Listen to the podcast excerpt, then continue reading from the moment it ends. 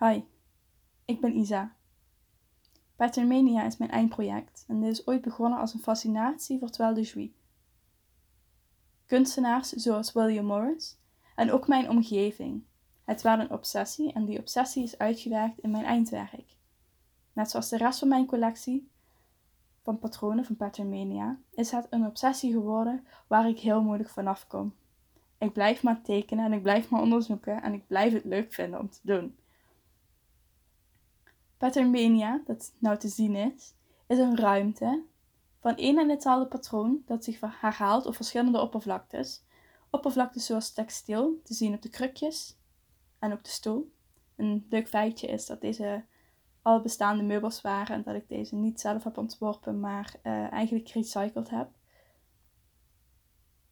Ik heb ook behang laten drukken.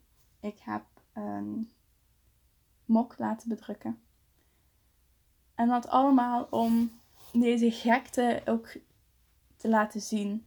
En ook deze obsessie te laten zien. Het liefst zou ik een heel groot lokaal hier op de academie um, ja, willen volproppen met één en hetzelfde patroon. Of soms zelfs verschillende patronen door elkaar. Om die gekte nog verder en nog meer uit te werken.